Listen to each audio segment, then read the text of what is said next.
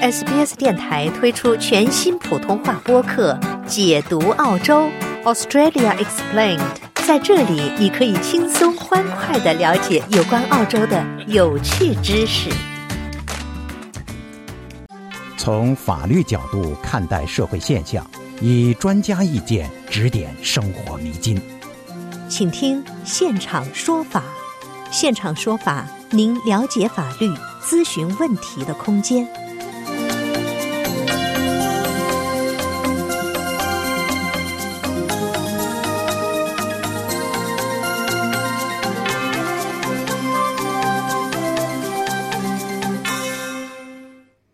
众朋友好，欢迎您继续收听 SBS 普通话为您带来的现场说法听众热线节目，我是李俊杰。那么最近我们看到哈，有一些餐饮企业呢少付员工或者是没有付员工工资的这个案例，有新闻爆出来哈，雇主少付或未付雇员工资，雇员该怎么办？在今天的现场说法听众热线节目中呢，我们邀请奥和绿业管理合伙人林慧梅律师和您聊一聊少付工资的话题。欢迎听众朋友拨打热线电话一三零零七九九三二三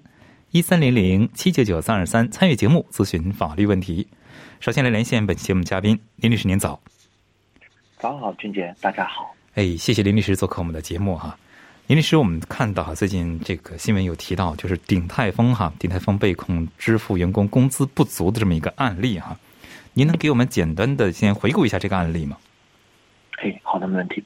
呃，大家都可能听闻说鼎泰丰啊是一个非常有名的世界知名的小笼包连锁品牌，哎，很多华人都知道。但是呢，对，也也非常的受欢迎。但员工们呢却声称啊，这个连锁餐厅的管理层啊有在撒谎或者瞒骗政府机构，甚至呢呃认为比起冒着被员工举报支付工资不足的风险，不如直接去开除员工。那么，鼎泰丰的员工呢，就会向联邦法院啊提供了这个证据啊，并且指控呢，鼎泰丰涉嫌在长达四年的期间，故意少付了十七名员工的工资，使用的手段呢，包括对工作时长和工资记录的一个造假。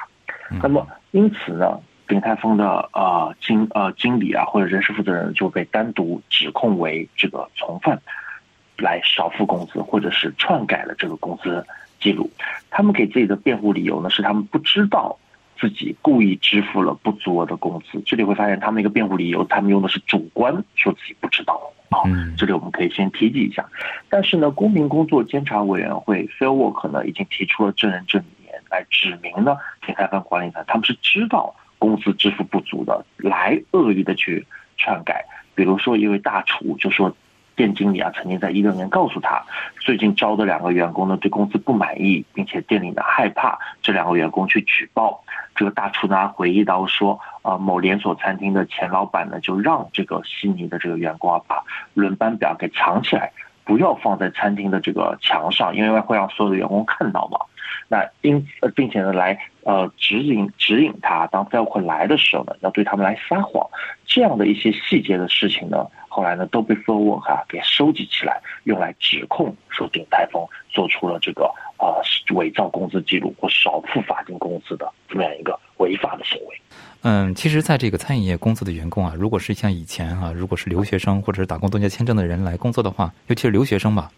他们往往呢就是说引号是非法工作，就是说是允许的这个工作时长之外再去打工的，为了一些收入哈。就是说，如果是这样子的群体。呃，面对这种少付工资或者没有付足额的工资这种情况，他们该怎么处理呢？怎么应对呢？嗯，是，呃，留学生其实是一个很大的一个这样的一个工作群体，但同时呢，他们又是很大的一个在劳动法当中啊非常劣劣势，然后呢要被欺负的一个群体。那么，呃，在公平工作委员会的。记录当中显示啊，鼎泰丰每个员工每两周呢工作七十六小时，但实际上呢，每两周的工作呢可能长达了一百一十小时，就多了将近的啊百分之三四十。但是呢，工资呢却依然是 underpay。那同时呢，法院文件啊也显示说，顶泰方的员工啊加班是没有工资的，甚至晚上啊或周末工作呢也没有更高的工资。我们一般知道说，casual 临时工呢应该要比一般的 full time 或 part time 多百分之二十五，因为他们没有年假嘛。对，这一部分的这个经啊不收入的差百分之二十五差呢也没有。那这是刚才讲到工资啊、小时数啊。还有一个很明显就是关于签证上的。那当有一些的留学生啊或者其他工作签证，他们的每周的工作小时啊是被限的。但这种情况下呢，可能呃呃这个电台方啊，他并没有去注意这样的呃签证限制，依然去让他们更多的工作。那有一个员工呢，就做自己是强迫。被工作每周五十五小时，不然呢，自己的假期呢就不就会被缩短，也无法陪伴家人，给他生活带来了很多的负面的影响啊。这些多多少少就是实际上的例子，说给学生啊或者工作者啊，他们给带来了呃这样违法情况之后带来的影响，或做了哪些实质的违法行为。嗯，就是作为一个员工吧，如果像餐饮业或者其他的一些招待业的一个员工。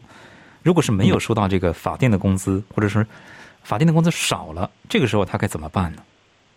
对，这我想是听众朋友们，呃，如果真的遇到了类似的情况，或认为自己哎自己权益被侵犯了，在职场上，一定要拿起相关的法务利益武器来保护自己。那么我们怎么去搜证呢？因为我们常说谁主张谁举证，我们起码要有基本的证据给到 field work 嘛。对，让 field work 他展展开调查也很会碰到很多的坎。那么我们来说一下，当怎么去收集证据？那这种情况下，工资问题啊，其实是员工在职场上遇到最常见的问题了。那么，公平工作监督委员会啊，他们就建议采取以下几个步骤：第一个，收集工资信息，并且准备好和雇主要谈的这个问题当中细节来说。一，我们来先使用 Fair Work 的这个在线工具，叫做 Pay and Conditions Two。我们来算一下自己实际从事职业的最低工资是多少。那有些朋友可能说：“哎，我的最低工资不就是应该是二十一块多吗？”法定的这种工资不一定的，因为不同的行业啊，或者不同的学历啊，或者不同的经验背景啊，都使得我们的最低工资可能会更高，而不一定就是说我要采纳法法定的最低工资，也有可能高于他的最低工资，因为工作经验。都在产生，因此我们这种这个在线工具啊，就能帮助我们来算出最低工资是多少。然后，第二，我们翻看一下自己的劳动协议关于工资的相关规定。很多的这个客户啊或者朋友他们说：“哎，我当时没有看细，哎，好不容易找到工作我就签了吧。”但不知里面可能有一些伏笔啊，来不利于自己。因此，在这个签署之前啊，还是要独立的看一次，或者看不懂的话，我们要让律师来给自己。讲一次，然后呢，再去收集这个工资条、工资记录，就是我们说的 pay slip。这里啊，还有个软件一定要推荐给大家，就是 Fairwork 开发的这个 Record My Hours。它那个很好的功能啊，就是它可以连通、自动连入 WiFi。如果您到了某个地点，比如商场里面，自动连上这个 WiFi 了，店里的 WiFi，它就认为您已经开始工作了。然后离开这个 WiFi，哎，它就。认为您下班了，那这样子的话，我们就不会使得一种情况，就是原老板有老板老板的这个工作表，嗯，对，然后我们我们没有工作表，因为所有的工作表都在老板那边，就不会了。我们就可以拿出这个 record my hours 去给客户说，老板那边说我上十五个小时，不是的，我上了二十五个小时，可以看我的 record my hours，然后通过时间最低工资。呃，这个计算器时间的这个 A P P，包括我们的工作呃合同、劳动合同，我们就大概能知道我应得多少，我实得多少。哎，我们就有个 gap difference 出来了。通过这 difference，还是建议大家先跟雇主啊有一次友好的沟通。嗯，我们可以带上朋友或者懂英文的，呃，或者我们呃做一些笔记啊，去跟雇主去谈，听雇主的反馈。如果雇主不断的去，哎，不见面，或者是甚至是胁迫让我们不要去沟通这个问题的话，那能表明其实我们的权利已经在不少，我们连一个基本的沟通的机会都没有，可见跟雇主沟通工资问题是一件多么难的事情。对，因此啊，我们可以在 Fair Work 上面去找到一些在线指导啊，或者寻求律师的建议呀，我们来知道怎么样更好的保护自己的权利，跟雇主沟通。嗯，和雇主沟通的过程中有哪些需要注意的吗？嗯，是的。那我们知道跟雇主沟通是一件蛮难的事情。首先呢，我们一定要保持冷静，我们不要因为说我的权利可能被受受损了，或者我们的工资被 underpay 了，我们就带着一种很激烈的态度去吵架，这反而会使得雇主可能马上就会报警。使使得我们有理的那方到时候说不清，然后又因为比如说呃打扰别人这个姿势啊，或者正常的生意经营这个顺顺序啊，呃秩序啊，而而被警察给请走就。得不偿失了。第二个呢要要注意的就是说，我们要开诚布公的说出自己应得的工资，因为我们认为我们应得的工资可能也是不准确的。那这时候呢，雇主可能也会反馈给我们，雇主会说：“哎，这个其实你没有算错，你看这里应该是这样，工资数是这样，或者你的小时数是应这样。”大家去沟通出来一个合适的。那如果我的雇主也不能确定我的计算是否正确，哎，那我们可以一起联系 Fair Work。或者一起联系律师，我们来指定，我们来一起核算出这个正确的金额，再去结算出，哎，下一步应该怎么样？但要注意的是，这里我们说的工资啊，常常是不包含 super 的。因此呢，我们算出这样工资之后呢，我们要再加百分之十点五的 super 来拿到关于养老金那部分这个权益。那会后呢，我们可以把这样的笔记再记下来，哎，看一下有没有遗漏的一些事。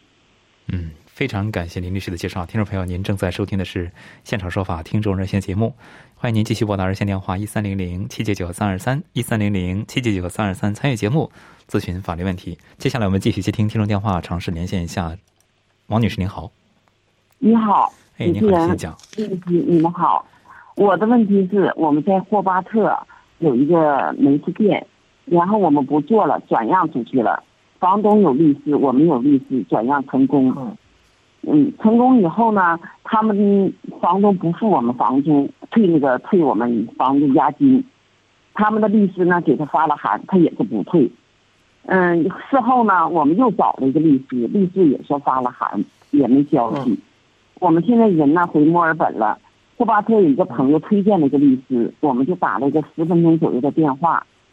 打完电话以后呢，他从网上给我们信箱里给我们发了一些怎么操作、怎么操作的方案。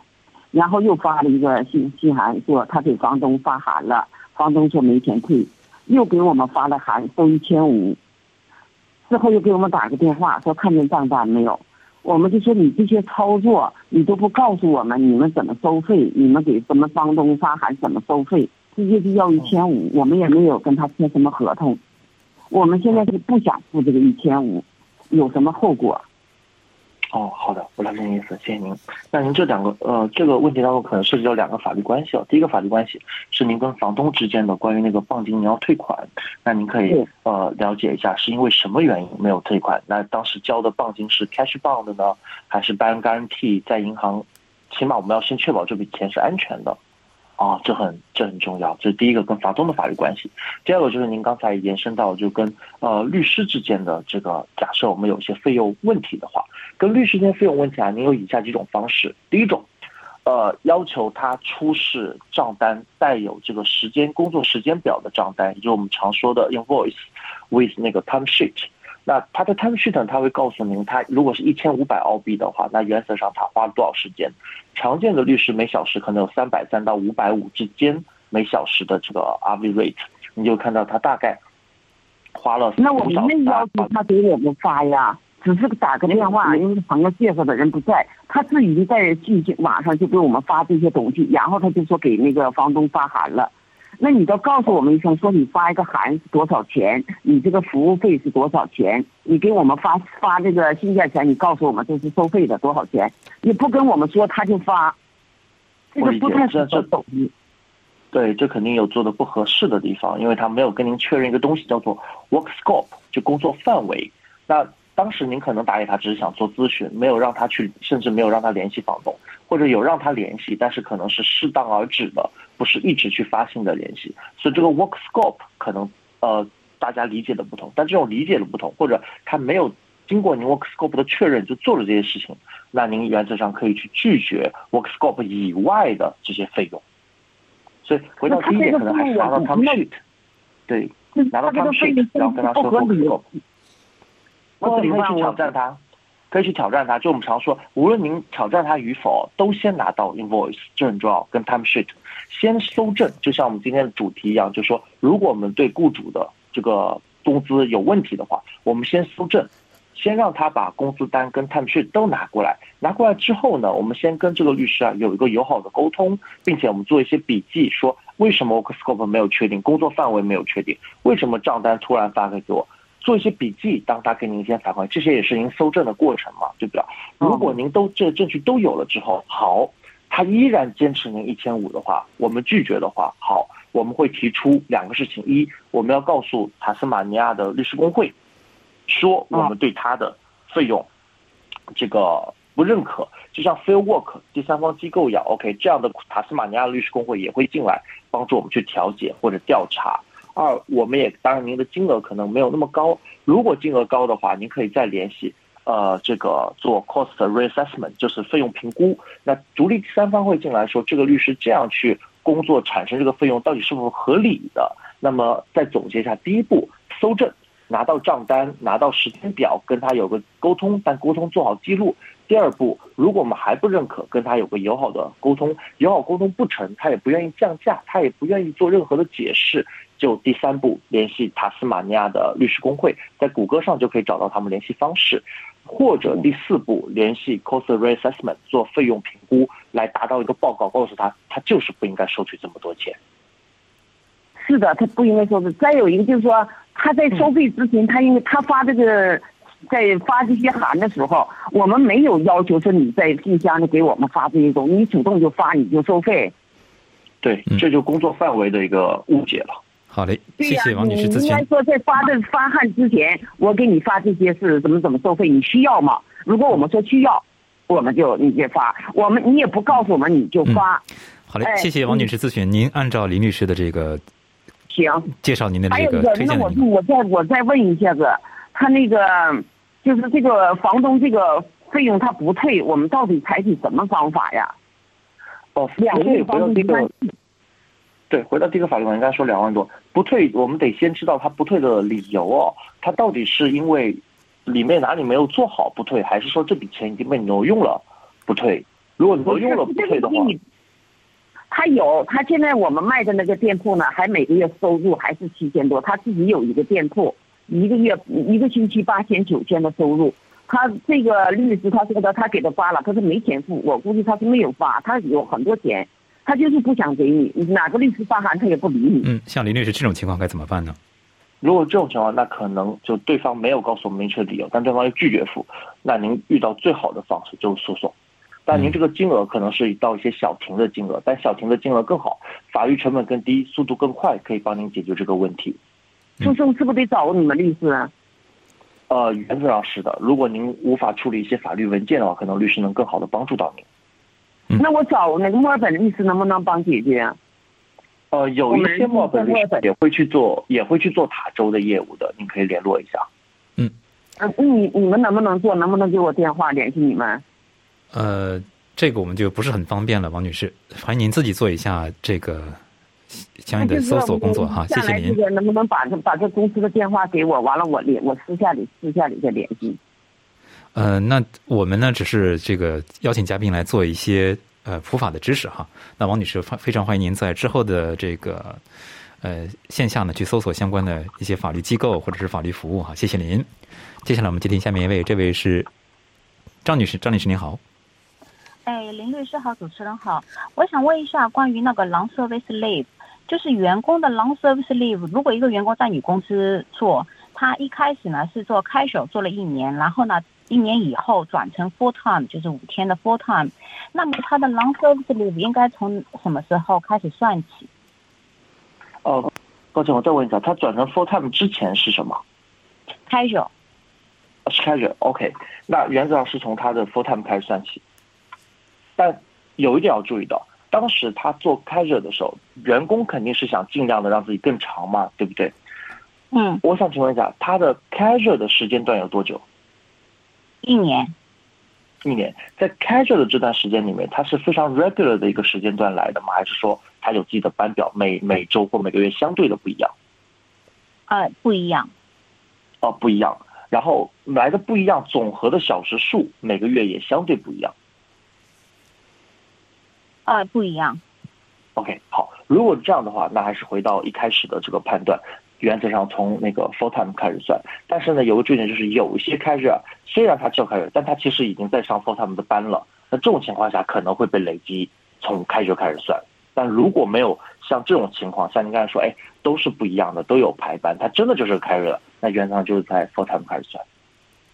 明白，但是这里有一个问题，就是你哪怕是 casual 哈，他就是不固定的 casual，他在一个公司工作满十年，也是应应该是有 long service leave 的，对吧？哎，对对对，是的，但但可能又不适用于您这里，因为您刚才说他应该就是一年多嘛，是吗？对，这个情况是不一样的，你这个意思是对吧？是的，是的，刚才那些适用于一些老员工，然后长员工，他们其实有更大的权利要保障。所以呢，有些雇主呢，在对一些老员工的问题上啊，他们会卡几个时间点，一出于这个雇主权益的保护或者利益的这个成本的考量的话，嗯呃，不是太清楚你这个什么意思，啊。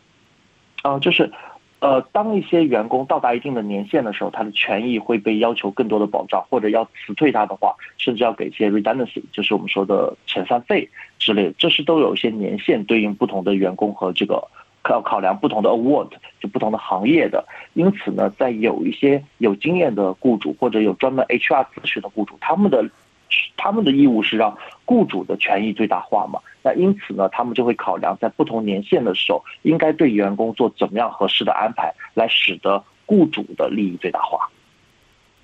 哦，明白。这个这个对那个 casual 和呃 full time，你你是针对 casual 这个这个来说的是吧？大部分的 leave 有的基本都 full time，但是呢，我们要注意的是，像您刚才讲的说，哎，开着到了一定的时间段，哎，要要开始给他额外的这个福利，或者开热的这个上班时间跟 full time 都一样，好了，那他尽管是开热，我们也得给他。就这些注意点在开热身上会有，但大部分 leave 的福利是对于 full time 的。嗯，哦，好的，那就是按按照我现在这个情况，还是应该是从他的 full time 开始算起，对吧？是的，是的，是的，好嘞因为它跟之前的并没有完全适用。好嘞，谢谢张女士的咨询，谢谢您。呃，那么林律师还是延伸出来哈，如果是 part time 是兼职的呢，会算吗哦？，part time part time 我们经常就跟 full time 有一样的这个权利了。然后比如说 part time full time 三十七嘛，那我们 full part time 如果是这个十八点五的话，那它的权益我们就原则上除以二，嗯，就按照一个百分比来算。现在其实嗯，提到这个临时吧，Carol 吧，其实我们这种媒体行业，就是以我们自己来说吧，我们这个嗯呃，Carol 同事挺多的哈。如果是从 Car- Carol 比上干两年，part time 干两年，全职干两年，这种的 Carol 的他会算这个 long service leave 吗？哦，原来是从您转到 part time 开始算。嗯，非常谢谢林律师的介绍啊。接下来我们继续接听听众电话，这位是吕女士，吕女士您好。Hello，嗨，你好，哎你好，郑律师，啊，是我今天想问一个问题，就关于那个 superannuation 的，啊，我的意思是说，我的雇主在二零一九年开始都没呃交那个 super 都不充足，只是交了半年，然后我的问题就是说，我都有跟他沟通了，然后如果现在我去那个 Test office 跟他们 report，然后呢，那个雇主是知道我的哇。他会不会对我有不利？就是说把我解雇了，还是怎么样嘛？他有这个权利吗？哦，哎，好，呃，首先呢，您可以在 t e s t Office 或 Fieldwork，他们都是有匿名的举报的这个呃渠道的，也就是说，呃，当他们收到这些匿名举报信息的时候，他们不会说马上发信给雇主说，请问这个员工是否遇到了不不公平的境遭遇，或者是违法的这个职场的损害他权利行为，他们不会这么去调查。他们拿到之后，他们会对这会要求这个雇主把他名下所有的员工的信息都上报上去，然后再去统一的去排查。当然，他会重点看您的案子啊。那通过这个相对变相的方式来保护您的这个呃 report 的这个隐私，所以这方面您可以相对放心啊。您可以匿名的去举报，然后呢，他们会全案去调查，可以不只调查您的个案。这第一点。第二点，如果您上报之后，在被调查的期间，雇主给您开除的理由是，或者就开始针对您，不是因为您的技能而开除您，或者不是因为岗位的需求而开除您，这个叫这个就触发了 unfair dismissal，我们所说的不公平解雇，如果是不公平解雇的话，您依然可以告诉 f i l f i l 依然会介入，要求这个岗位恢复，或要求他继续要支付给您所对应的做出的劳动的收入。嗯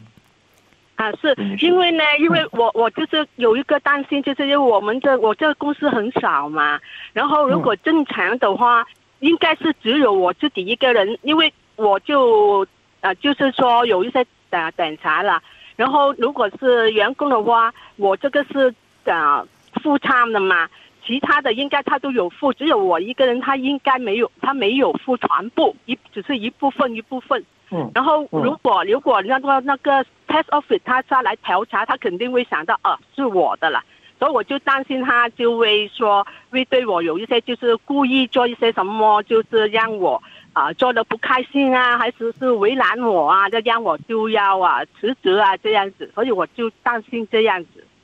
我理解，那可能跟他有个友好沟通也很重要，因为让他知道，您作为一个可能唯一的 full time 或长达已经在那边工作了好几年的 full time。您的不开心，或者您的离职，或者您在职场上的不公平待遇，反而使得他会遭遇其实更大的损失。所以这样的跟他的沟通，甚至是要 feel 和给他一些教育，也许或者信息指引，也许会让他的法律意识更强，然后使得他的生意反而会更好。嗯，供您权衡取舍。好，好那还有最后一个问题，我是想，如果我不举报，我就呃跟他一直沟通，然后如果我我我辞职了以后，就是我也快退休年年龄了嘛，我多几年也到退休。如果我退休，我离职以后，那个 super 我还可以追回来吗？那他欠我的 super，您可以去追回来，但是呢，带来另一个问题哦，就是带来这个取证、搜证这些方面的问题，包括您的雇主他可能也已经关闭了他的生意，或者关闭了他的实体，或者人也找不到了，可能就会带来另一方面主张上的一些难度了。嗯，嗯，那如果按照你的你的看法，那我现在就应该去先跟大家沟通一下。如果他还是不不管不理，他不是不不给，他就是哦让我啊我我我 check 一下，我检查一下，他一直在拖，就拖了一年，然后上个月我也在跟他说，他也哦让我的再看一下，看一下一直在拖。所以让让你的意见的话，那我现在就要跟他再沟通一次，然后再如果他还是不给，我就再举报他吗？对，您呃是的，您也可以考虑我们今天在节目刚开始说到的这些流程啊，搜证去沟通的这些流程，注意的点，也许能帮助到您解决这个问题。嗯，好嘞，谢谢 OK，林女士咨询谢谢你好，谢谢，你供您参询好，供您参考哈，刘女士。接下来接听下面一位听众电话，这位是彭女士，彭女士您好，哎，你好，你好，大家好。你好，嗯，我我的问题是那个什么，我是住在政府房，住的公房，那个享一直享受着那个呃电费的优惠是百分之一，我不呃就享受优惠，但是我现在呃呃在两年前我嗯的老老伴儿呢去世了，去世后呃我那个优优惠就没电费的那个优惠就没有了，就是交全费。呃，现现现在我一直是两年，我就是这么交的，我也不知道，呃，反正嗯单单子的交费单来了过后，我就去交，直到这个上个月我看呃看见了就是一个单子名字还是写着老老头的名字，还是那个就是你看了里面没有是全费没有优惠了，后来给电电力公司打电话，电力公司说说我。呃，嗯，那个嗯是没有申没有申请，我也不知不知道。现现在所以我我试试我能不能给追回来？我怎么个这？呃，我问他，我说那我我已经交了两年的那个是全费，我也在住到那个那个地方。他说那你就重新申请吧。你你申请申请了，呃，现现在我们你申请了过后，我们就还是给你优惠。但是以前的那两年的是能不能补回来，我怎么那个，呃，能不能补回来？谢谢您，呃，理解您的问题，彭女士。那第一点呢，原则上的任何的优惠补贴啊，是以优惠申请之后的获批日开始计算的，这是一个大的原则。因此呢，他给您的反馈，这个反馈上啊，他其实说的也是正确的。但您可以就是再去跟他沟通，再再去。主张或者是为自己争到更多利益的，就是告诉他说，您的情况确实在两年前，您在先生还在的时候就就有这样的福利，但不知道什么情况下突然被取消了，并且呢自己也看不懂或者没有办法第一时间去收到这样的电费账单，希望呢电力公司或政府部门呢能在这方面给您一些考量，跟一些照顾，这样子的一些沟通呢会有的。有时候呢政府部门也会给予您额外的考量，再去把之前的一些优惠给您补回来，或者给您一些不适用于那个优惠，或者给您一些其他的一些折扣，来帮助到您度过这个困难的时候。我认为是可以再去沟通的，或许能获得一些更多的折扣回来，王女士。好嘞，谢谢彭女士的咨询。由于时间关系，就不得不打断两位了哈。听众朋友，非常感谢您在清晨的陪伴，也非常感谢林律师做客今天的现场说法听众热线节目。因法律问题复杂，因人而异，本节目呢仅供一般性参考，并无意提供任何法律建议。具体呢，还请咨询专业的律师。了解澳洲，融入澳洲，欢迎登录 sbs 点 com 点 au 前斜杠 language 前斜杠 mandarin，获取更多澳大利亚新闻和资讯。